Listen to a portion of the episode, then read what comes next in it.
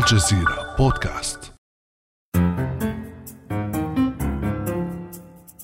You don't need college to learn it, learn stuff, okay? Everything is available basically for free. Uh, you can learn anything you want. أين سمعت هذا الصوت من قبل؟ إنه صوت النجم إيلون ماسك عفوا أقصد الملياردير مالك تويتر الذي لديه من الوقت ما يكفي ليكتب يوميا تغريدات مثيرة للجدل ويحاول أن يكون محور حديث العالم. مؤخرا أعاد ماسك حساب الرئيس الأمريكي السابق دونالد ترامب لكن ترامب رفض وقد راهن سابقا على أن ماسك غير قادر على شراء تويتر. لنستمع إلى ما قاله ترامب. I tell you what, Elon. دعوني أخبركم شيئا. إيلون لن يشتري تطبيق تويتر. أين سمعتم هذا من قبل؟ مني أنا مني أنا. الحسابات المزيفة يقول أنه يوجد الكثير منها. لقد وضع نفسه في فوضى لكنه لن يشتريه. ربما يفعل ذلك لاحقا. من يعلم ماذا سيحدث؟ لقد حصل على عقد فاسد للغاية. لقد اطلعت عليه. ليس عقدا جيدا. قوموا بالتسجيل في تطبيق تروث. نحن نحب الحقيقة. الحقيقة هناك أسئلة كثيرة تدور في رأسي. كيف ارتفعت ثروة إيلون ماسك من 200 مليون دولار عام 2011 إلى 14 مليار دولار عام 2015 ومن صوره على أساس أنه شخص استثنائي وعبقري وقدوة لكل الشباب للمراهنة عليه في مجال الأعمال. لكم أن تتخيلوا أن ثروة إيلون ماسك ارتفعت من 20 مليار دولار عام 2019 إلى 200 مليار دولار عام 2021 نعم فقط في عامين زادت ثروته 180 مليار دولار. هذا قبل أن يشتري تويتر طبعا فما قصة الملياردير النجم؟ وهل يقدم الصناعة أم أنه يحقق أرباحا من خلال براءات الاختراع؟ ألم يكن هناك شركات سيارات كهربائية قبل تسلا ومواقع تواصل اجتماعي قبل فيسبوك ومارك زوكربيرغ؟ أم أن كل شيء يتم بأمر الحكومة وبدعمها؟ نحن في عالم سباق الرهانات الاقتصادية عالم يزيد فيه الأثرياء ثراء والفقراء فقرا أموال خارقة تأتي من لا شيء بالرهان وتظل مهددة بالتلاشي في أسرع وقت. أنا أمال العريسي وهذه حكاية جديدة من الجزيرة بودكاست.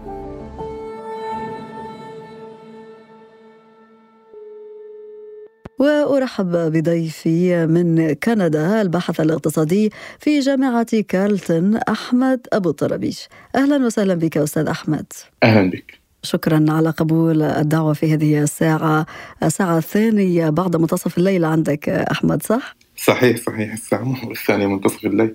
الله المستعان آسفين والله. انه سهرناك معنا ولكن الدولارات والمليارديرات يعني موضوع يطير النوم من العين يعني أكيد. آه، يطير نوم من لديه المليارات. طيب وإيلون ماسك يعني المليارديرات يعني أكيد الآن وقت متأخر كلهم نايمين المليارديرات النجوم.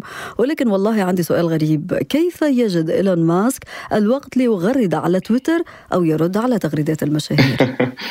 لابد أن لدينا نسختين من إيلون ماسك. إن كان من يدير هو نفسه من يكتب فبالطبع لدينا نسختين منه. يا لطيف وهذه معضلة أخرى يعني منه اثنين. معلومة خطيرة الصراحة. في البداية لا استنادا إلى المقدمة لا يمكن القول أن الأمر يجري بدعم حكومي مباشر بشكل كامل ولا يمكن أيضا القول أن الأمر يعني عبارة عن ربح عشوائي. لاحظي أننا نتحدث عن مليارديرات جدد إن صح لنا الوصف. هم أباطرة المال الذين حققوا الثروة الضخمة بين عشية وضحاها في زمن قصير. يعني زمن قصير نتيجة استثمارات غالبا ما كانت تكنولوجية. بعدما منحوا براءات اختراع ورخص احتكارية تفضيلية ميزتهم ربما عن غيرهم. نتحدث هنا عن شريحة أتت بأفكار خلاقة سواء كانت موجودة في زمنها أم أنها جديدة تماما. لكن الأفكار تلك قيمت على أنها يمكن أن تكون عالمية وتعمم كنموذج عابر للطبقات.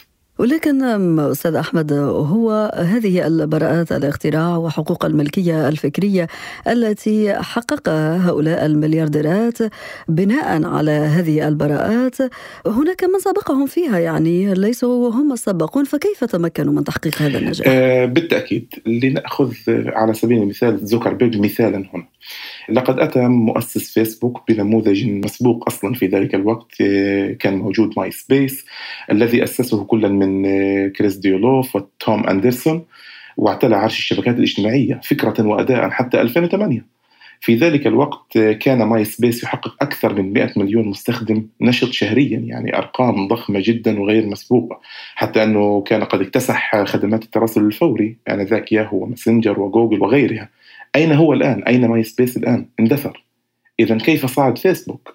في لقاء له يقول الملياردير الأمريكي بيتر ثيل وهو أول مستثمر كبير في فيسبوك يقول أنه اشترى 10% من أسهم فيسبوك في 2004 في العام 2004 أي بدايات الشركة الاجتماعية الأشهر الآن اشتراه مقابل نصف مليار دولار تخيل نصف مليار تدفع في 10% فقط من أسهم شركة لتوها نشأت هذا أمر لا يصدق لكن 2004 2004 يعني رهان كبير هذا على هذه الشركة. صحيح صحيح. لكن ثيل يضيف إنه توصية من مسؤول حكومي في لقاء عابر غير رسمي آنذاك دفعت به للاستثمار في الموقع. هنا الأمور تبدو أكثر وضوح. ولكن هل يمكن إثبات ذلك أستاذ أحمد؟ أنت ذكرت في أكثر من مناسبة فكرة انه هناك دعم حكومي لصناعة هكذا نجاحات. بالطبع بالطبع. بنظرة سريعة على مسيرة ماسك سنجد أنه لم يخترع أي شيء جديد ليقدمه للعالم. وأن الشركات التي ساهم آخرين في تأسيسها بدعم من ممولين كبار لم تكن سوى شركات قائمة على استحداثات يعني على استحداث لتطبيقات الربط المباشر بين البشر والشركات والبنوك بشبكة الإنترنت مثل شركة Zip2 وشركة X.com.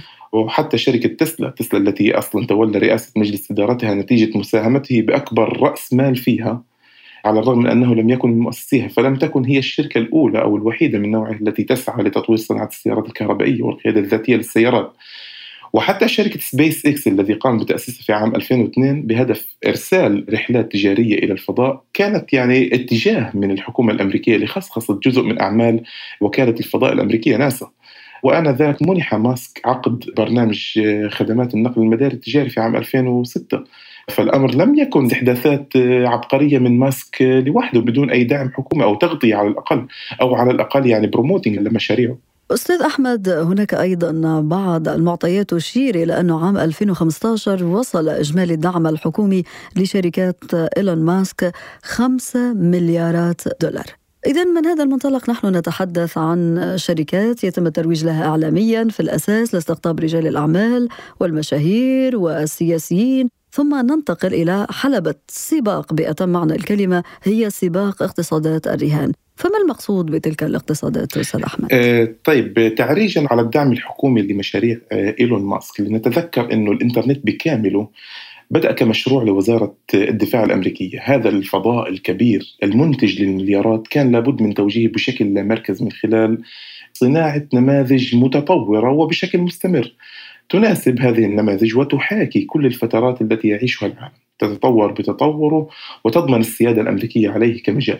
أرى أن المبادرون يقدمون أفكارهم ويبدأون مشاريعهم وهناك من يقيم ويقدم التسهيلات للمشاريع التي يمكنها البقاء والتسيد على العرش بناء على هذه التقييمات. عندما نتحدث عن النماذج فإننا هنا نقصد المشروع والنجم وقد يكون النجم هو المشروع بحد ذاته أو الراعي له. هذا ما يمكن تلمسه في الطريق الذي خطه ماسك ومن خلاله قد قدمت له التسهيلات والتراخيص وبراءات الاختراع اللازمة ليعمم كنموذج تجاري خلاق ونموذج فردي عبقري بشخص ماسك بطبيعة الحال وكأي اقتصاد نيوليبرالي فإن للمراهنات دور كبير في هذا المضمار هذه المشاريع جزء من اقتصاد المراهنات التي تستند إلى تفضيلات كبار المستثمرين ورجال الأعمال والسياسيين بما يخدم مصالحهم. يعني ليست الفكرة أو براءة الاختراع التي هي التي يراهنون عليها وإنما يراهنون على هؤلاء النجوم؟ هم يراهنون على الفكرة وبراءة الاختراع بقاء الفكرة واستمراريتها وعبورها للجغرافيا والطبقات والنجم الذي يولد أو يصنع من خلال هذه البراءة أو ليبرز هذه البراءة. هل يمكن القول إذا أن المراهنين يحصلون على شيء مقابل شيء حين يستخرجون كميات هائلة من القيمة على الرغم من عدم وجود آه، حقيقية؟ يعني لنأخذ سام بانكمان نموذجا لتوضيح الأمر. بانكمان هو الشاب المؤسس لشبكة FTX لتداول الكريبتو. يعني تداول العملات الرقمية. شاب ثلاثيني ثائر الشعر وهو كما وصفه الإعلام الأمريكي بالنموذج للشباب الذي يجسد طموح الشباب الأمريكي المهووس بالتكنولوجيا.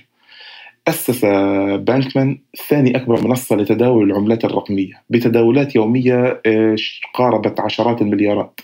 وثروة تتجاوز ال 16 مليار دولار حققها في فترة محدودة. أذكر أنه أنه بعض التقييمات قالت أنه ثروته تم تحقيقها ما بين 6 إلى 9 أشهر. يعني مدة قصيرة جدا يعني. مدة قياسية. صوره الإعلام في فترة ما بأنه العبقري الذي لا يشق له غبار الاستثنائي في كل شيء وهو بذاته شخصية مناسبة لكل هذه الجلبة بطبيعة الحال. نما وترعرع في وادي السيليكون لأبوين عبقريين أستاذين في القانون بجامعة ستانفورد إذا ها قد وجدنا البالون. بقي النفخ فيه. نحشد شركات الدعاية والتسويق ونصدر هذا البالون في الواجهة. تبدأ عمليات الضخ الإعلامي من كل حد وصوب. مقابلات هنا لقاءات هناك عبارات تحفيزية من فمه في كل مكان وسيرة كفاح مؤثرة للوصول. إذا رحبوا معي بالعبقرية الطموح. تبدأ الرهانات على الشاب يتحفز رجال الأعمال فهذه فرصة كبيرة للمضاربة. يتم تضخيم القيمة إلى أعلى حد ممكن وحين تنتفخ القيمة زيادة عن حدها بالتأكيد سينفجر البالون. انفجار البالون في حالة سام خلف وراءه تبديد لأكثر من 16 مليار دولار كخسائر في أسبوع واحد. خسر إجمالي ثروته في أسبوع واحد. خسرها في وقت أكثر من قياسي. مثال يعني جميل جدا ويندرج في سياق حديثنا. أستاذ أحمد يعني نحن الآن بصدد مناقشة فكرة اقتصادات الأغنياء الذين يعني يغامرون بمثل هكذا رهانات يعني كل الناس تعيش في عالم الدولار هو الدولار كبار الأثرياء يعيشون في عالم ما يسمى المال الخارق. لو تفسر لنا هذه الكلمة أستاذ أحمد هل هي يعني مرتبطة بفكرة الرهانات بهذه الأوقات القياسية للثراء ثم تبديد آه، الاموال؟ يعني بطبيعة الحال المال الخارق مرتبط بتراكم الضخم للثروة، تراكم المال بشكل غير طبيعي وغير حقيقي إن صح لنا الوصف آه، أي يعني بدون أن تسندوا أي أصول أو أي نشاطات تجارية على أرض الواقع بنشاطات تجارية تغطيه كقيمة بمعنى المراهنة على مشروع ما والبدء في سباق المراهنات هذا من قبل المستثمرين. المعنيين طبعا ليس كل المستثمرين. ما يرفع قيمة الأسهم بشكل خيالي وفي ظرف آه، مدة زمنية قياسية لكنه بطبيعة الحال غير حقيقي. وهنا شركة تسلا أحد أهم الأمثلة في هذا المضمار. شركة تسلا لا تحقق مبيعات كبرى أو يعني لا تحقق مبيعات هي الأكبر ما بين شركات السيارات ولا حتى تحقق إنتاج منافس لباقي شركات صناعة السيارات في العالم. يربح فيها الدولار نحو 600 دولار في غضون سنوات. هذا رقم خيالي بينما تحقق شركات أكبر. وأكثر مبيعات وإنتاج بمراحل من شركة تسلا أقل من عشر هذا المبلغ في ذات المدة المقارنة كتويوتا على سبيل المثال ومرسيدس وغيرها. طيب أحمد هذا حقيقة يطرح الكثير من التساؤلات، طيب لماذا يتم صناعة مثل هذه الشركات الكبرى وهل لها دور في حفظ توازن النقد العالمي؟ شوفي الأمر مرتبط بالنقود أكثر. بشكل عام استحدثت النقود كوسيلة لحفظ القيمة وبذلك لابد أن تعبر كمية النقود التي يتم ضخها في السوق عن القيمة الفعلية التي يملكها السوق فعلا سواء قيمة مادية أو قيمة غير مادية. لكن بطبيعة الحال فإن الحكومات تلجأ دائما لطباعة النقود بكميات أكبر من القيمة الفعلية بكثير. هي في حقيقة الأمر تفعل ذلك منذ وقت طويل حيث تطبع تريليونات الدولارات واليوروهات والينات وغيرها من العملات في الأزمات المالية الضخمة أو الأحداث الكبرى خشية توقف عجلة النمو الاقتصادي. والتأثير بذلك على اقتصادات الدول. بهذا الشكل نحن أمام تضخم كبير للنقود في مقابل القيمة وقبل أن تنفجر تلك الفقاعة الكبيرة جدا. نحن بحاجة دائما إلى أن يتمكن العلماء والتقنيون والمهندسون من التوصل لاكتشافات حقيقية في مجالات التقنية الحيوية أو تقنية النانو وإنشاء صناعات جديدة بالكامل لكي تسند هذه الأرباح تريليونات الأموال الزائفة التي تصنعها البنوك والحكومات، ماذا إن لم نستطع الاكتشاف فعلا؟ أو إن كانت اكتشافاتنا أقل من القيمة الفعلية للنقود المطبوعة، والإجابة بطبيعة الحال نضخم الاكتشافات قليلا أو كثيرا توازي هذه الأموال. طيب أستاذ أحمد حتى نبسط أكثر كل المعطيات التي ذكرتها. خلينا نحكي على أشكال الرهانات. قدمت الكثير من الأمثلة ولكن الآن يتبادر إلى ذهني مثلا مثال اللاعب الشهير رونالدو الذي دخل في استثمارات وبالتالي أتساءل إن كان يعتبر نوعا من أنواع الرهان. بما أننا في أجواء المونديال يعني لابد أن نعطي مثال رياضي. بطبيعة الحال رونالدو وجميع اللاعبين سواء لاعبي كرة القدم أو أي أشكال الرياضة الأخرى هم أحد أهم أشكال الرهانات. بشكل عام الرياضة مرتبطة جدا بالرهانات المباشرة ومرتبطة بالرهانات الاستثمارية. الرهانات المباشرة متمثلة في الرهانات التي ترتبط بنتائج المباريات وبأداء اللاعبين وتحقيق الأهداف والرهانات غير المباشرة أو الرهانات الاستثماريه بتقييم النجوم بشكل عام التقييم المضخم جدا للنجوم خاصة في هذه الأوقات. تقييم مضخم جدا للقيمة السوقية للنجوم وتقييم مضخم جدا لرواتب النجوم من الأندية وتقييم مضخم جدا حتى لعوائد النجوم من الإعلانات التجارية. هناك نوع آخر أيضا من الرهانات نتحدث عن مثال حدث في وقت قريب. إيلون ماسك على سبيل المثال بعد تدشينه لمشروع تويتر بلو للجميع ومنح الشارة الزرقاء على تويتر لمن يدفع 8 دولارات في الشهر. استخدم هذه المرة إيلون ماسك كأداة مضاربة كبيرة فقد وثق مجهول حسابا باسم شركة الأدوية إيلاي ليلي. وكتب تغريدة تفيد بمجانية الإنسولين بعد اليوم في الولايات المتحدة. خبر بطبيعة الحال يؤثر على قيمة السهم في البورصة بشكل ليس ببسيط خسرت الشركة على إثره في لحظات نحو 20 مليار دولار. نتيجة انسحابات كبيرة من الأسهم في صفوف المستثمرين. هل تعتقدين للحظة أن هذه الانسحابات حقيقية؟ أو بمعنى آخر هل كانت هذه الانسحابات متأثرة بمجرد هذه التغريدة هل يسحب مستثمر كبير أمواله لمجرد تغريدة على تويتر لا يدعمها أي مصدر من موقع الشركة الرئيسي ولا مندوبوها المنتشرين بين جميع المستثمرين خاصة الكبار منهم؟ بطبيعة الحال لا ولكن كبار المستثمرين يرون أن هذا الموقف عبارة عن رهان كبير لخفض قيمة السهم من خلال بيعه مدفوعا بهذه التغريدة وعند ذروة هبوطه يقوم بإعادة شرائه مرة أخرى وبالتالي تحقيق ملكية أكبر في أسهم الشركة. مثله حدث مع تطبيق سيجنال وقت افتضاح أمر حماية البيانات في واتساب. إذا بتتذكروا لما صارت فضيحة سرقة البيانات بواتساب من تقريبا سنة ظهر تطبيق اسمه سيجنال بهذيك الفترة كبديل. كان في شركة مدرجة في البورصة الأمريكية اسمها سيجنال لكن مغايرة عن التطبيق. فبمجرد ظهور التطبيق وحدوث يعني كترند في العالم فصار المراهنين يشتروا أسهم الشركة هاي مع إنها شركة مختلفة تماما أصلا لا علاقة لها بالتكنولوجيا. تمام؟ صاروا يشتروا فقط تشابه الأسماء صاروا يشتروا بالأسهم ارتفعت أسهم الشركة يعني بشكل دراماتيكي تاريخي. لحد ما وصلت تقريبا 700% أسهم الشركة وبعدها اللي قادر على قراءة السوق لما شاف إنها وصلت للذروه في ارتفاعها باع الأسهم وبهيك يعني حقق 700% على ثروة على ثروته يعني راكن ثروة على ثروته. هذا تكتيك والرهان كله لعبة تكتيكية. عكس هذا يحدث مع تسلا فالشركة التي لا تحقق أي مبيعات ضخمة نجد أن أسهمها أضخم بكثير. من شركات موجودة في السوق منذ زمن طويل وتحقق مبيعات ضخمة جدا وحاصل إنتاج ضخم جدا جدا. قيمة أسهمها تقل عن قيمة أسهم تسلا بأقل من العشر. حقيقة كل ما قلته مهم جدا. ويعني سلط الضوء على أشياء قد نمر عليها مرور الكرام لكنها كما ذكرت في لعبة الأموال تغير الكثير الكثير. ويعني قد ترفع شركات وقد تدمر شركات ويستفيد منها آلاف المليارديرات في إطار صناعة المليارديرات. ولكن أليس هذا شبيها نوعا ما أستاذ أحمد بطريقة صناعة مشاهير الفن والسياسة والثقافة والمؤسسة؟ المؤثرين على السوشيال ميديا؟ بالتأكيد لا أجد أفضل من إليزابيث هولمز كمثال لتوضيح هذا الأمر، تعرفينها صحيح؟ نعم. حسناء وادي السيليكون. استولت السيدة هولمز على تمويلات قاربت العشر مليارات دولار وهي في أوائل العشرينات من عمرها، كيف يمكن أن يحدث ذلك؟ الأمر أبسط مما تظنين، هناك يمكن القول أن هناك خلطة سحرية. قصة كفاح ملهمة املأ العالم ضجيج بعبارات النجاح والعمل وجمل التحفيز. تأنق وتنمق وعين جيشا من المسوقين والمروجين من خلفك. سأختم لك بجملة لتتضح لك صورة الوضع في خضم المراهنات. لقد أقر عدد من ممولي حسناء وادي السيليكون أنهم علموا بقصة احتيالها قبل افتضاحها بفترات أطول مما تظنين ولكنهم خافوا أو طمعوا في الاستثمار بالثراء. وقرروا مواصلة اللعب. بعضهم قال أن حتى أن الفكرة التي جاءت بها وهي فكرة استحداث جهاز يغنيك عن الطبيب بشكل كامل آه، بعضهم قال أن هذه الفكرة التي جاءت بها هولمز لم تقنعه ولا أي أحد من مستشاريه ولكن الضجيج حولها كان يشي ببدء اللعبة فتخوف من تفويت الفرصة.